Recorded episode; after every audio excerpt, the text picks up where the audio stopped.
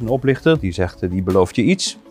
Maar je moet eerst aan zijn voorwaarden voldoen. Mhm. En vervolgens voldoen je aan die voorwaarden. En dan blijft het beloofde uit. Dit is precies wat er met de jongeren is gebeurd. Hmm. Hè? Ik werk als coach en therapeut. En eh, heel veel mensen zijn het afgelopen jaar in shock geraakt. Door het besef dat de wereld totaal Hmm. anders in elkaar zit dan ze altijd geloofd hadden. Ze willen naar een technocratisch systeem. Een systeem dat helemaal eh, bestuurd wordt door technologie. Waarbij iedereen eh, gecontroleerd wordt, geregistreerd wordt en gesanctioneerd wordt door Mhm. door totaal automatische systemen. Dat is de natte droom van iedere dictator geweest. Wat jongeren moeten beseffen is dat hoe meer ze blijven gehoorzamen, hoe strakker het net zich sluit. En dat ze daarmee zelf bijdragen aan het beperken van hun eigen vrijheden. Welkom bij weer een nieuwe aflevering van Weltschmerz Next. Ik zit hier vandaag met een gerespecteerd gast van Café Weltschmerz. Zowel geïnterviewde als interviewer, eh, ondernemer, schrijver eh, Pieter Stuurman. Welkom. Dankjewel. Pieter, vertel eens even kort iets over jezelf voor de kijker van Weltschmerz Next. Ja, nou ja, je noemde net al wat. Hè. Ik, eh, ben, ik werk eh, als eh, zelfstandig coach, therapeut. Dat doe ik al een hele tijd. Maar daarnaast heb ik me altijd heel erg geïnteresseerd in, in de wereld en in mensen en hoe de wereld in elkaar steekt, hoe de verhoudingen liggen. En sinds een jaar of 15 schrijf ik daarover. Ik schrijf er artikelen over. Ehm, over de dingen die me opvallen, de dingen die ik observeer. En ehm, ja, al een hele tijd maak ik me behoorlijk eh, bezorgd over waar het naartoe gaat met de wereld. Ik heb daar eh, ook veel over geschreven. En ja, al, al ruim een jaar of tien geleden zag ik wel aankomen wat er nu aan het gebeuren is. En eh, ik heb dat ook allemaal opgeschreven toen. Nou ja, nu met, met de hele coronasituatie is het allemaal in de stroomversnelling terechtgekomen. En werd ik op een gegeven moment ook gevraagd door Café Weltsmerts.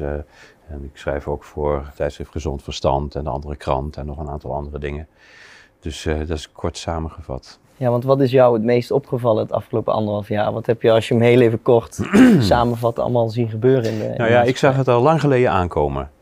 Ik, eh, ik heb in februari, eh, eh, vanaf februari 2010 een aantal artikelen geschreven en ik zeg van pas op, als we nu niet gaan opmerken wat er gaande is, dan is dit wat er gaat gebeuren. Hè. Er zal een overmachtssituatie gefingeerd worden. Mhm. En die is nodig om mensen bepaalde maatregelen te laten nemen of eh, te laten accepteren die anders nooit geaccepteerd zou- zouden worden. Mhm. En dat, is, dat heeft ook een bepaald doel. Het doel is de hele samenleving, de inrichting van de wereld en dan met name de Marsarchitectuur, hoe het de wereld bestuurt, Mhm. om die te veranderen.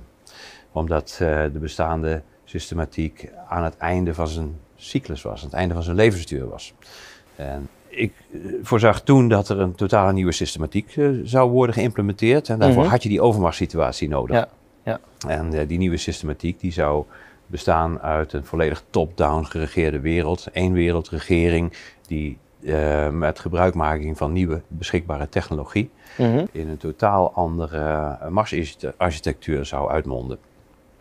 Een ehm, systeem waarbij de toegang tot je levensbehoeften eh gerantsoneerd wordt Mhm. door middel van eh, gedrag, gedragspunten. Ja. Dat was nog voor de tijd dat dat social credit systeem in China werd geïmplementeerd. Eh, maar je ziet het nu allemaal gebeuren. Dus ik was voorbereid dat dit zou gaan gebeuren. Mm. Maar wat me vooral verrast heeft het afgelopen jaar, is het gemak en de enorme schaal en snelheid waarmee ze het voor elkaar hebben gekregen. Maar ook, en dat heeft me teleurgesteld, het gemak eh, waarmee mensen het zich laten aanleunen. Ja, want ik wil hier een, een- een vraag op stellen. Ik zie toch nog steeds meer mensen, of ik hoor steeds meer mensen om me heen, eh, die toch aangeven, ja, het is onkunde. Er zit geen plan achter. Maar volgens jou is het heel duidelijk een Ja. ja, het is heel duidelijk een, een strategie. Ja. Hè, er is heel lang geleden begonnen met een heel systematische en gedetailleerde planning. Mhm. Hè, je ziet eh, alle zaken die nodig zijn om dit te laten slagen, die zijn keurig netjes voorbereid. En daar zijn ze al een jaar of 45 geleden mee begonnen. ja, zo niet langer misschien wel. In grotere lijnen, minder specifiek en minder Mhm. heel erg op het detail, al honderden jaren. Ja. Honderden jaren. We hebben hier te maken met een verschijnsel dat al zo oud is als de mensheid. Het verlangen naar Mhm. macht. Het verlangen andere mensen te bezitten, zeg maar. ja. Eh, te bepalen wat andere mensen doen. Ja. Het, dus het ontnemen van vrijheden van mensen. Wat inherent is aan macht. De macht van de een is de onvrijheid van de ander. Macht betekent dat je kunt bepalen Mhm. wat een ander doet. En dan kan die ander dat dus zelf niet. Je, je kent de machtspyramide. Mhm. Het is een piramidesysteem. Eh, dat werkt volgens de zogenaamde chain of command. Hè? De bovenste laag commandeert de laag daaronder. Mhm. En die commandeert weer de laag daaronder, et cetera, et cetera. Die lagen worden steeds breder en groter. En de enige die niet commandeert is de onderlaag, dat is de bevolking. Hè, eh, zo zit een machtspyramide in elkaar. En eh, het is een verschijnsel dat al heel lang bestaat. En het verlangen naar macht. Iedereen die een paar geschiedenislessen heeft gehad in zijn leven op school, die weet dat onze hele menselijke geschiedenis een aaneenschakeling is van eh, machtsmisbruik, eh, van genocide, vervolging. eh, Mhm. Dus het is geen nieuw verschijnsel. Nee, want als je het heel klein maakt, zie je het zelfs op microschaal om je heen. Als je bij een sportclub zit en een van de vaders is bijvoorbeeld trainer, Ja. dat een zoon of dochter eerder in het, in het team Ja, staat dan nou een ander. Nou, dat zijn precies. hele kleine subtiele vormen van, Ja, nou ja, dat heeft macht. dus, eh, in, een, in een systematiek van hiërarchie, waar hebben we het hier over, hè, Mhm. heeft een hogere positie, heeft natuurlijk, eh, het brengt privileges met zich mee. En zolang wij als, als soort vinden dat zo'n hiërarchisch systeem oké is, ja, dan krijg je dat. En eh, dat is wat je nu in toenemende mate ziet. Mhm. Want het is bij macht is het net zoals bij geld. Als je er meer van hebt, is het makkelijker om er nog meer van te krijgen. Het is een, het is een exponentiële groei. Hè? Ja, ja. En uiteindelijk komt alle macht en alle rijkdom dus op één plek terecht. En dat is eh, in de loop van eh, de afgelopen tijd, of eigenlijk al langere tijd, is dat zo gegroeid zonder dat we het er erg in hadden. En nu worden we ermee geconfronteerd. Ja, want dat zie je heel duidelijk terug ook in alle grote corporates. Die zijn het afgelopen anderhalf jaar alleen maar welvarender geworden. Ja, precies. Dus, dus die profiteren hiervan. Hè? Eh, kijk, eh, willen zij de wereld anders inrichten? Anders, en bedoel ik voor hun gemakkelijker te besturen en ook veiliger. mhm. Want ze willen naar een technocratisch systeem. Een systeem dat helemaal eh, bestuurd wordt door technologie, digitale technologie. Waarbij iedereen eh, gecontroleerd wordt, geregistreerd wordt en gesanctioneerd wordt door Mhm. door totaal automatische systemen, waarbij geen menselijke tussenkomst meer nodig is, dan, eh, dan heb je te vertellen over de wereld. Dat is de natte droom van iedere dictator geweest. Dat hij zulke instrumenten ter beschikking had. En eh, in de vroegere dictaturen die er geweest zijn, ja, bestonden ze niet. Als ze wel bestaan Mhm. hadden, waren ze toen ook gebruikt. Dus ik hoor jou heel nadrukkelijk zeggen dat het eh, toegaat naar een systeem waarin alles gecontroleerd wordt, waarin Ja. je volledig onderdeel bent van een groter geheel. Ja. Ehm, dat is eigenlijk ook iets wat de afgelopen anderhalf jaar best wel radicaal erdoor gedrukt is. Ja, ja, je ziet het nu al gebeuren. Hè? Ehm, eh, nu worden we gedwongen min of meer om bijvoorbeeld ons te laten vaccineren. En doe je het niet, dan krijg je geen digitaal of geen groen vinkje op, je, Mhm. op je QR-code.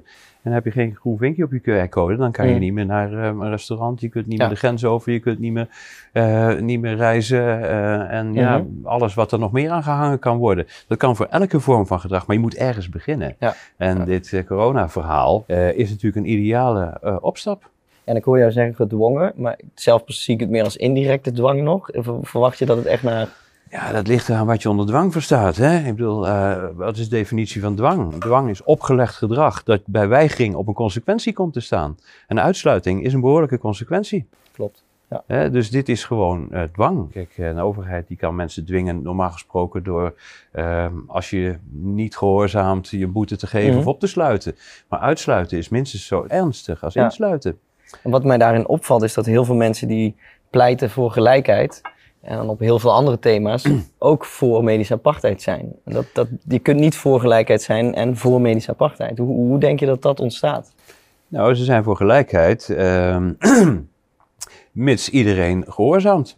Ja, dat Ja, is per ja, definitie ja, niet bedoel- gelijkheid. Nee, dan, ik bedoel, als iedereen schikt in de slavernij en iedereen is slaaf, dan is ook iedereen gelijk. Dat is ook een vorm van gelijkheid natuurlijk. Mhm. Ja, Eh, maar ja, gelijk op welk niveau? Nou, ik denk dat je altijd moet streven naar gelijkheid in input, maar nooit in output. Want dat zal altijd anders zijn, lijkt. Hoe bedoel je dat? Nou, kijk, de, als de discussie over gelijkheid gaat, zeg ik vaak van iedereen zou gelijke kansen moeten krijgen. Maar Ja. je kunt niet geforceerd gelijke output eh, Oh, zo ja. ja creëren, nou, zeg maar. Nee, maar ik bedoel, kijk, als iedereen eh, geen andere keuze heeft dan te gehoorzamen aan een, aan een regime, Mhm. ja, dan is er ook sprake van gelijkheid. Dus ja, gelijkheid op zich zegt niet zoveel. Klopt. Ik wilde even een bruggetje maken naar een, een blog die ik van jou gelezen heb in 2015. Daar had je het over de angst voor de dood, Ja. slash eh, de angst voor niet te kunnen leven. Ja. Dat vind ik ook een hele belangrijke die ik nu terugzie in deze hele ja, coronacrisis. Ja, dat ligt er. Ehm, Dat is de kern, dat? hè? dat draait het eigenlijk allemaal om. Hè? Eh, we moeten nu allemaal bang zijn om dood eh, te gaan, zodat we deze maatregelen aanvaarden. Is die, die zogenaamde overmachtssituatie. Het lijkt erop alsof, eh, alsof het, het woord begrip leven een nieuwe definitie heeft gekregen. Hè, dat leven nu alleen nog maar bestaat uit het vermijden van de dood.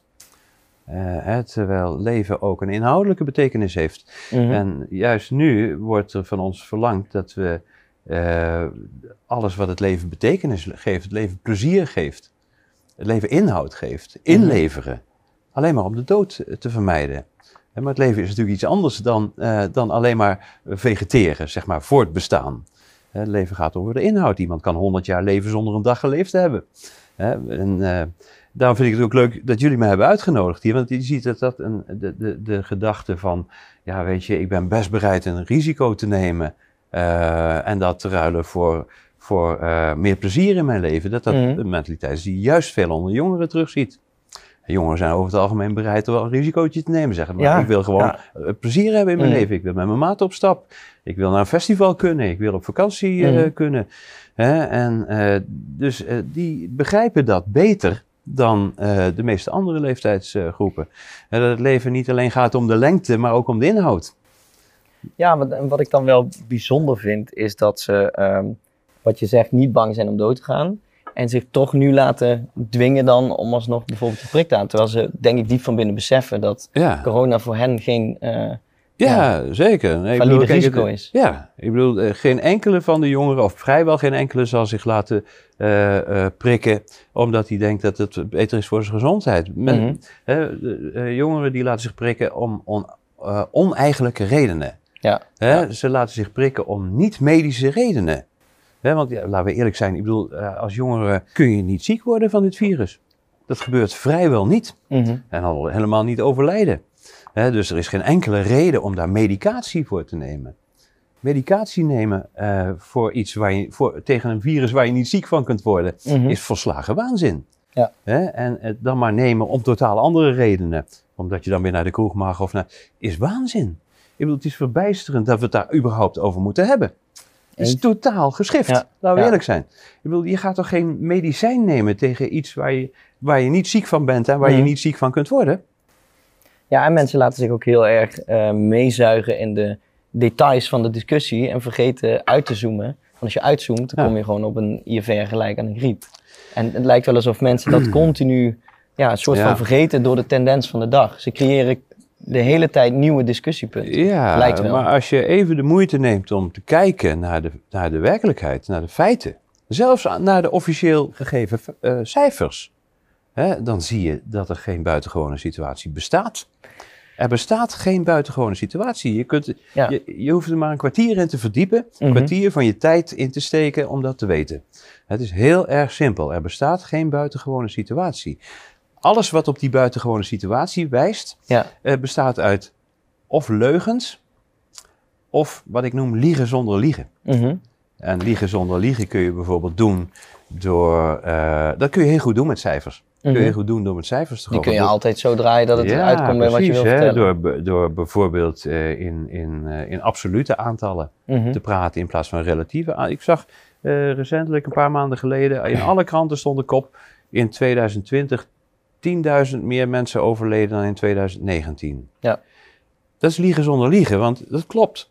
Je liegt niet keihard. Mhm. Maar de bedoeling van een leugenaar is om de ander een, eh, een vals beeld van de werkelijkheid te geven. Ja, misleiden eigenlijk. Te Ja. misleiden, een vals Ja. beeld van de werkelijkheid te geven. En dat doet dit, want het is namelijk een absoluut getal. Want als je Mhm. gaat kijken, ja, de Nederlandse bevolking is gegroeid. Het percentage mensen dat overleden is in 2020 was lager Ja, dan in klopt. 2019. Maar zo kun je mensen alarmeren ehm, zonder keihard eh, Mhm. te liegen. En datzelfde geldt eigenlijk voor alle cijfers. Eh, ik bedoel, ze zeggen nu, er zijn 17.500 mensen overleden Mhm. aan corona. En dat wordt dan vergeleken met een griepseizoen. Maar er wordt niet bij verteld dat eh, er heel anders gemeten en geteld wordt. En doorgeteld na een jaar. En normaal stoppen ze. ja, maar ja, totaal anders geteld wordt. Hè? Ik bedoel, eh, we, we zijn al, mensen, al sinds mensenheugenis bekend met dat er ieder jaar een griepvirus voorbij komt. En ja, wie worden daartoe eh, ge- gerekend? Dat zijn mensen die overlijden aan de symptomen van griep. Iemand overlijdt en die arts die zegt, nou, die heeft die, die symptomen, die zijn typerend voor griep. Dus is dat iemand die te boek Mhm. komt te staan als een overleden aan griep. Maar bij corona wordt er ineens heel anders geteld. Er wordt er gezegd, nee, iedereen die overlijdt en die heeft ook een positieve test, Ja. is een coronadode. Hè, maar het is waanzin. Mhm. Want ja, als je, je weet dat er in Nederland sterven er jaarlijks 150.000 mensen gemiddeld. Mhm. Je weet ook dat eh, in de afgelopen periode, sinds er getest wordt, is ongeveer 10% van de bevolking positief getest. Dus dat wil zeggen dat eh, er van de 150.000 overledenen ook 10% positief getest wordt. Dus dat zijn er al 15.000. Die je sowieso zou kunnen toerekenen. Die, die, met die die worden sowieso Ja, daaraan toegegeven, waar ze ook aan overlijden. Als een auto-ongeluk of een hartaanval of Mm. kanker. Hè? eh, dus die kun je aftrekken van die 17.500. Dus dan blijven er 2.500 over. Nou, dat is een heel mild griepseizoentje. Ja, ja. Eh, zeker ook omdat de griep ineens op wonderbaarlijke wijze verdwenen is. die bestaat niet meer. Eh, hè, dus dat is een heel mild seizoen. Maar ik hoorde je net iets heel interessants zeggen. Je noemde het woord feiten. En dat is wat ik ook om me heen heel veel zie. Dat het lijkt wel alsof feiten er niet meer toe doen. Nee. Nou ja, dat- minister De Jonge die heeft dat goed gezegd. Hè? Mensen hebben wel recht op een mening, maar niet op feiten. Feiten maken wij. Ja, en er zijn drie woorden die me dan te binnen schieten. Cognitieve dissonantie. Ja. Angstpsychose, of in ieder geval een soort hypnose waar mensen in zitten. Ja. En soms een soort Stockholm-syndroom lijkt wel. Alsof mensen een, een bepaalde corona-religie zijn aan Klopt, ja. gaan Welke wil je het eerst doen? De- de- de- die laat ik aan jou. Die laat ik aan jou. Nou ja, ik zal beginnen met die angstpsychose. Kijk, als mensen in, in emotie zijn, dan eh, hebben ze moeite om hun verstand te gebruiken.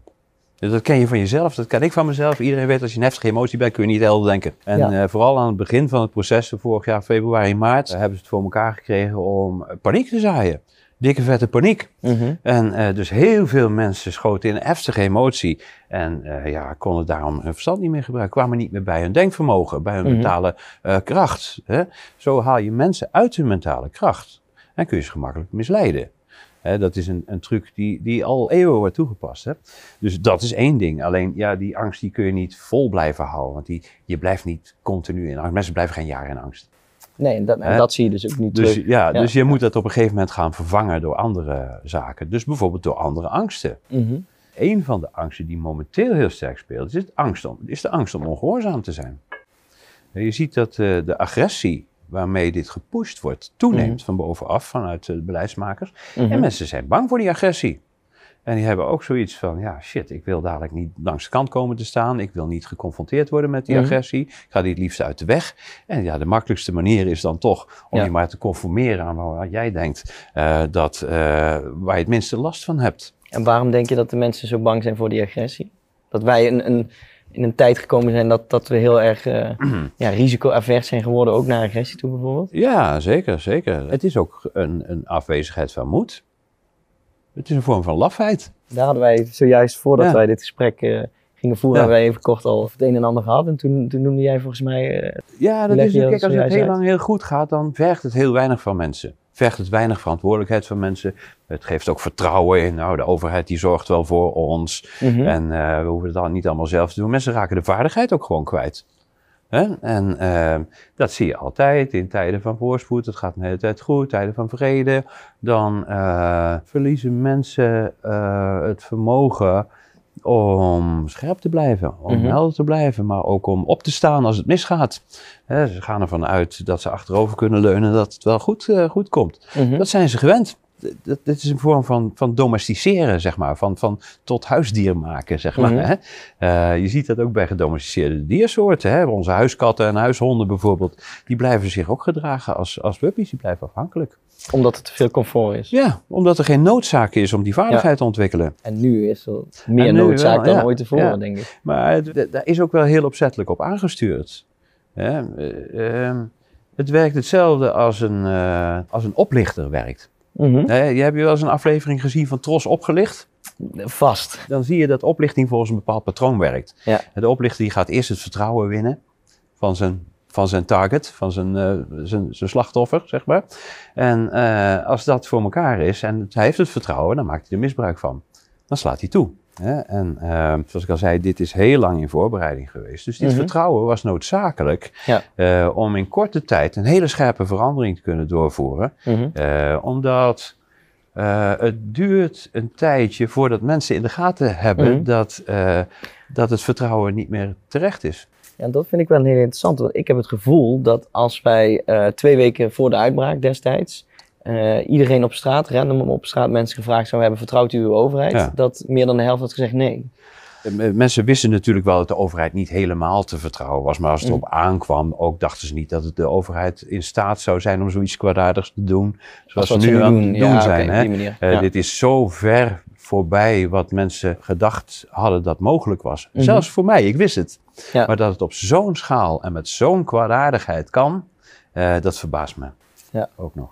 En als we er dan een, een, een positieve wending aan gaan geven, wat, wat kunnen wij doen? Wat kunnen de jongeren doen? Kijk, wij, wij doen dit natuurlijk met name ook voor Ja. onze generatie, om ze te mobiliseren, om ze te activeren. Ja. Wat, wat zou jouw advies zijn? Nou ja, wat je natuurlijk recentelijk hebt gezien, is dat de jongeren verschrikkelijk eh gefopt zijn. Ook, ook dat is een vorm van oplichting, Mhm. eigenlijk. Hè? Nou, dat doet een oplichter, die zegt, eh, die belooft je iets. Maar je moet eerst aan zijn voorwaarden voldoen. Mhm. En vervolgens voldoen je aan die voorwaarden. En dan blijft het beloofde uit. Dit is precies wat er met de jongeren is gebeurd. Mhm. Hè? Ja, Eh, ja, je moet je allemaal laten prikken. Eh, want eh, ja, dan kun je Ja. weer op stap en dan kun je naar je festivals. Hè. We gaan Ja. een prachtig festivalseizoen tegemoet. Mhm. We zagen billboards met eh, jonge mensen die hem maar oprolden en zegden: Ik wil graag naar een festival, kom maar op met die prik. Mhm. Nu hebben de meesten dat gedaan. En nu gaat een dikke streep door het festivalseizoen. Hetzelfde geldt voor het testen voor toegang. Mhm. Als jullie je allemaal laten testen, dan eh, kun je weer op stap, kun je weer naar de kroeg.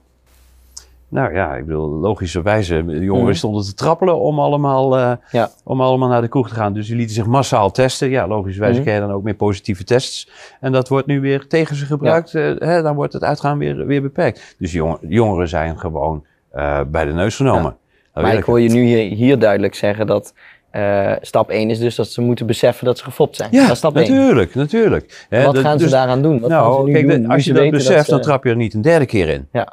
Hè, dan weet je dat als je weer iets beloofd wordt, dat, je, dat die belofte twee keer na moet denken. Ja, je, ik bedoel, hè. Ja. Kijk, eh, eh, er is ook sprake geweest van een vorm van gijzeling. Hè, want, eh, het is eigenlijk heel simpel. Gijzeling is als je iemand zijn vrijheden afneemt Mhm. en zegt, ja, je kunt ze alleen terugkrijgen als je eerst doet wat ik zeg. Mhm.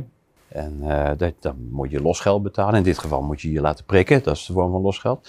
Eh, maar als de gijzelnemer dan ook eh, daarna zijn belofte niet nakomt, dan is Mhm. het zowel gijzeling als oplichting, hè, een dubbele misdaad. Maar wat jongeren moeten beseffen is dat de beloftes die gedaan worden, dat die niet worden nagekomen. Mhm. Dat hoe meer ze blijven gehoorzamen, hoe strakker het net zich sluit. En dat ze daarmee zelf bijdragen aan Mhm. het beperken van hun eigen vrijheden.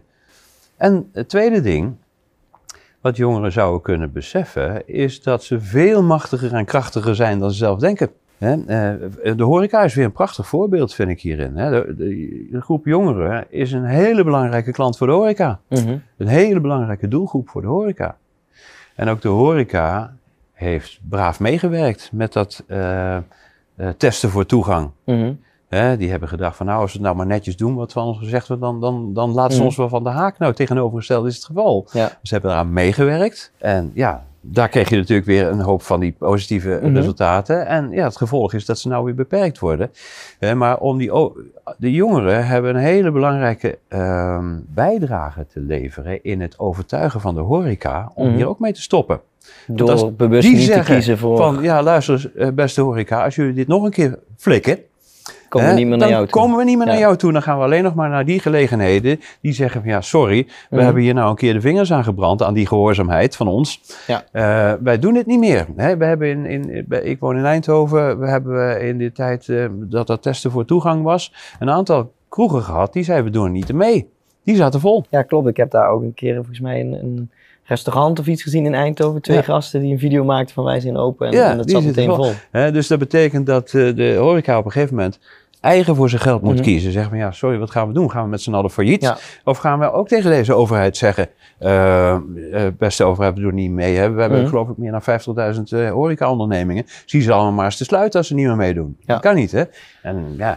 Maar daar kunnen de jongeren dus een hele grote invloed op uitoefenen. En daarin zie ik dus een hele grote rol, wat jij ook zegt, door je bewustzijn te vergroten, te verhogen, door bewustere keuzes te maken. Door gewoon te beseffen dit- wat hier aan de hand Ja. is. Ja. Wat is er aan de hand? Er is A, geen bedreigende ziekte. Mhm. Niks ongewoons. Als we deze hele mediacampagne en die hele politieke wereldwijde campagne niet hadden gehad, was het onmogelijk geweest dat er ook maar één wereldburger iets bijzonders had kunnen opmerken. Mhm. Om de simpele reden dat er niks bijzonders aan de hand is. We hebben te maken met een malafide overheid die zich schuldig maakt aan gijzeling en aan oplichting. Die zijn beloftes niet nakomt. Waar ik dus niet op kan vertrouwen. Dat moet je eerst begrijpen. Ik bedoel, als je begrijpt dat je met een oplichter te maken hebt, dan trap je er niet nog een keer in. Dus dat is een besef wat je moet hebben. Mhm. En het tweede, en dat vind ik nog veel belangrijker, is dat je beseft dat je samen een enorme kracht vertegenwoordigt. Jullie hebben samen een, een gezamenlijk belang. Je wil van je leven genieten. Je wil daar niet in beperkt worden. Mhm. Je wil de vrijheid en de mogelijkheid hebben om je eigen potentieel te ontdekken, om het Mhm. leven te ontdekken. En, Vrijheid eh, is niet onderhandelbaar. Nee, het is niet onderhandelbaar. Neem het gewoon. Neem Ja. die vrijheid Ja. gewoon. Dat kan. dat kan. Dat geldt voor de hele bevolking, maar met name voor jongeren. Omdat dat een heel belangrijk thema Mhm. is. Als je tussen de, nou, laat maar zeggen, 18 en nou ja, 30 bent of iets dergelijks. Dan ehm, eh, is het van het grootste belang dat je daartoe de gelegenheid eh, krijgt. En als je meewerkt aan een regime dat eh, de bedoeling heeft die vrijheden drastisch Mhm. in te perken, Ja. ja. dan, dan ben je feitelijk medeplichtig Mhm. aan het laten afnemen van, van je, eh, de, de zaken die belangrijk voor je zijn. Ja. En ehm, dat voorbeeld van die horeca was er nog maar één, maar er zijn nog veel meer voorbeelden Mhm. te bedenken.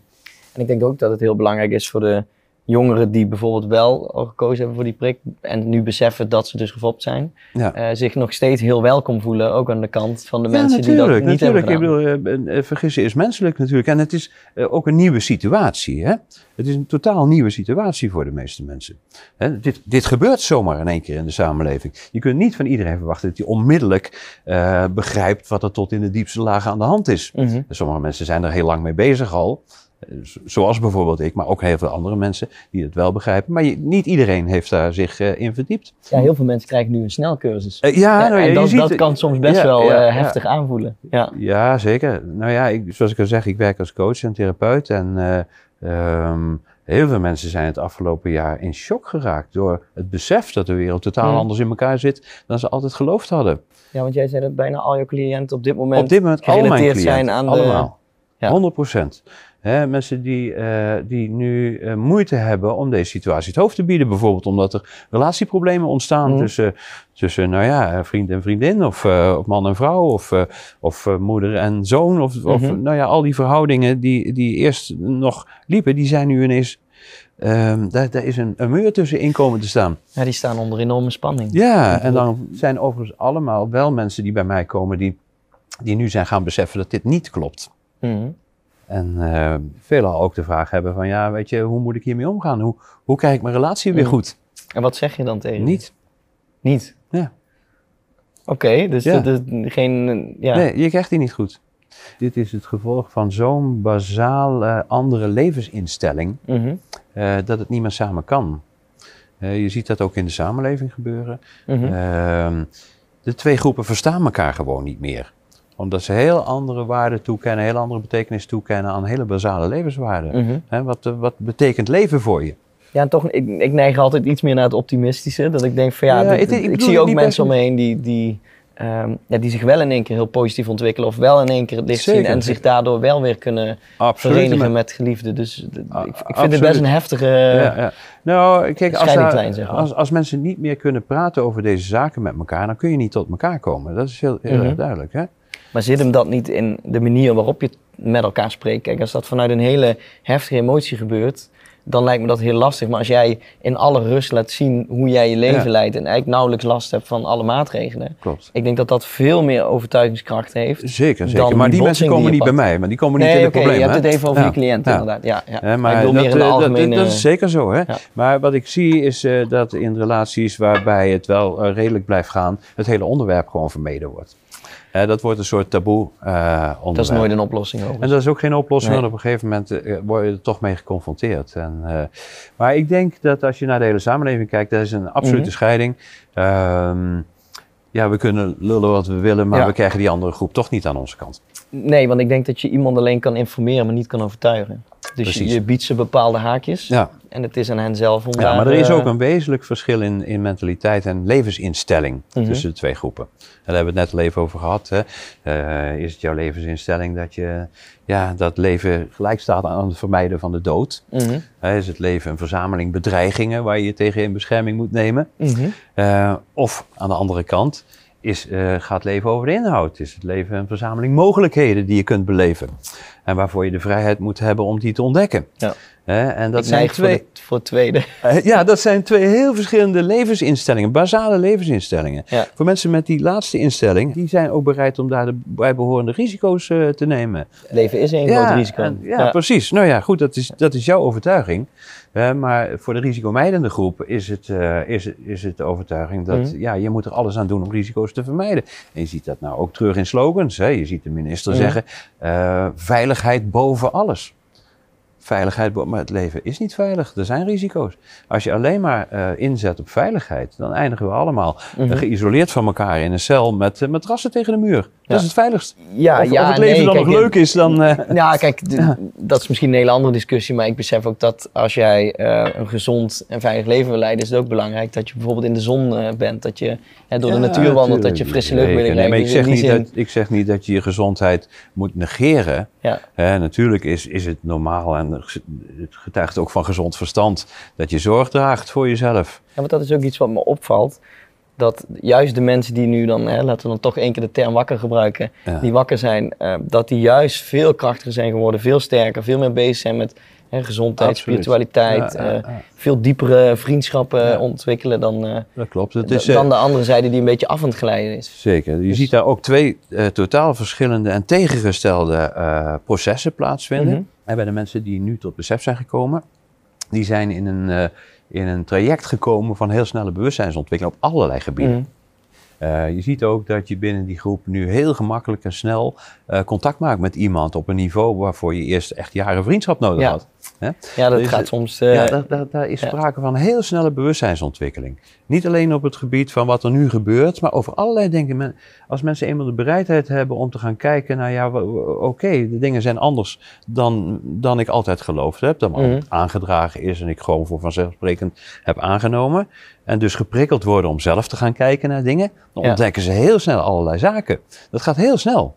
Terwijl aan de andere Ja. kant van het spectrum, eh, de mensen die daar niet naar willen kijken en zeggen: Ja, sorry, het wordt mij allemaal te ingewikkeld, ik laat het over aan de autoriteiten, die kunnen het zichzelf niet veroorloven om zelf te gaan kijken. Want dan kunnen ze namelijk hun houvast niet vasthouden. Mhm. Dit is voor hun een veiligheid. Ja. En eh, je kunt niet zeggen: Ik laat het aan anderen over en dan het vervolgens zelf ook Nee, gaan doen. nee. Dus die sluiten zich af van bewustwording. En dus dat zijn hele elementaire tegenstellingen. En vandaar die twee groepen elkaar niet begrijpen. Ja, je moet heel erg durven loslaten om, om andere deuren Het eh, vergt open moed. te laten gaan. Het vergt moed. Hè? En al was het maar omdat met, met, met eh, bewustzijn en kennis komt, eh, komt verantwoordelijkheid. Je- als je iets weet, dan moet je er iets mee gaan doen. Net zoals jij dit bent gaan doen.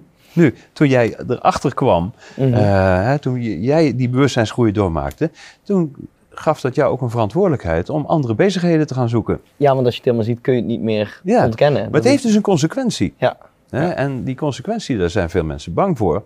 Eh, ja, nee, ja, daar ben ik mijn vertrouwde leventje Mhm. kwijt. En hoe zit het dan met mijn baan? En, eh, dus het vergt moed. Maar bevrijding Mhm. vergt altijd moed. Ja, dat zou ik de jongere kijker ook mee willen Ja. geven. Dat, Precies. ja, En stap in je fijn. kracht en, Ja. en, en kies, Juist door kies je voor moed. die moeilijke ja, beslissing. Precies. Juist Ja, door, door je moed eh, leer je je kracht kennen. 100%. Ja. ja. Ja, ik, ik zou graag af willen sluiten met ehm, dat we heel erg de nadruk ook hebben op hè, dat bewustzijn. Dus dat, je dat moet creëren. Ja, Eh, nou, bewustzijn is eigenlijk niks meer dan besef van waarheid. Hè? ja, Want bewustzijn, exact. dan denken Ja. mensen, maar, oh, dat is zweverig en toezeggen. Maar gewoon besef van waarheid, dat je de waarheid kent. Dat je snapt hoe de dingen in- werkelijk in elkaar zitten. Dat is wat bewustzijn is. En dan werk je vaak meer met je gevoel dan met je ratio. Nou, beide, in combinatie met elkaar. Hè? Eh, Ik bedoel, kijk, je gevoel is een heel goed, eh, goede, goede antenne. Mhm. ehm, die je op dingen kan wijzen. Je intuïtie bijvoorbeeld. Hè? Ehm, maar het is, juist samen is het heel krachtig. Hè? Zowel eh, je, gewoon, je, je gezonde verstand, je verstand, in combinatie met je gevoel. Ehm, dat geeft je kracht. Eh, wel is het daarvan belang dat je gevoel van, van emotie kan onderscheiden.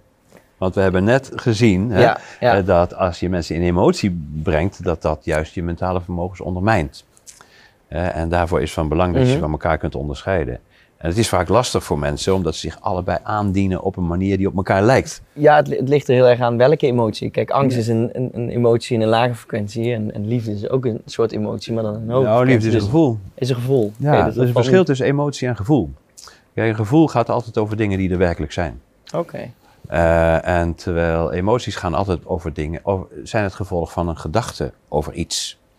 Hè, angst bijvoorbeeld gaat, Mhm. altijd, gaat nooit over wat er op dat moment werkelijk analyse, gebeurt. ja, Het gaat over wat er mogelijk zou kunnen gaan gebeuren.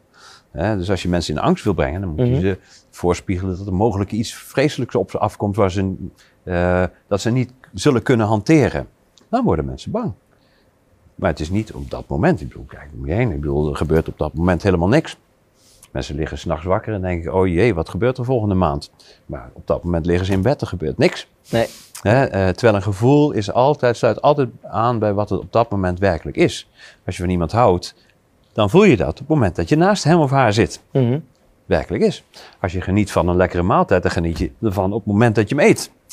Als je je, eh, je vingers brandt aan een hete pan, dat is ook een gevoel. Ja. Dan gebeurt het op het moment dat, dat, dat je ook daadwerkelijk je vingers brandt. Dus er is een, een groot verschil tussen een gevoel en een emotie.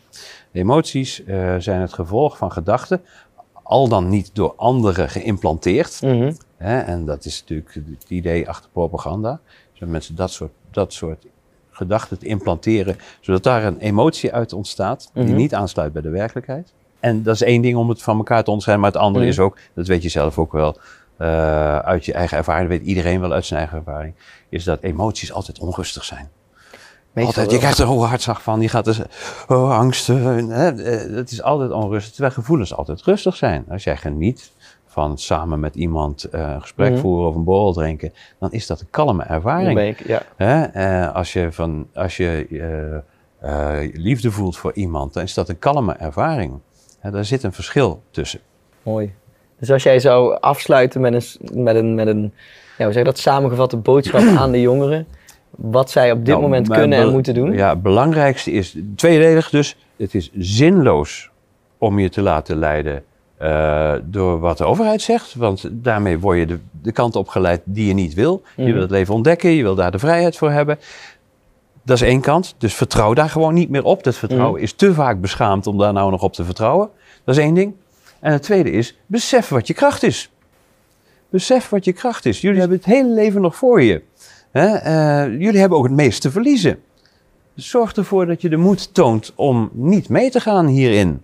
Eh, en ja, dat je af en toe kritiek zult krijgen, dat je onder druk gezet zult worden. Oké, maar je laat je leven toch niet afnemen. Mooi. Stap in je kracht. Daar gaan we voor. En die kracht heb je. Je hebt hem gewoon, je moet hem alleen gebruiken. En dat geldt overigens voor iedereen, maar voor jongeren met name. Dankjewel Pieter. Heel graag gedaan. Thanks. Dit was weer een aflevering van Welsmet Snacks. We zien jullie graag de volgende keer. Dankjewel.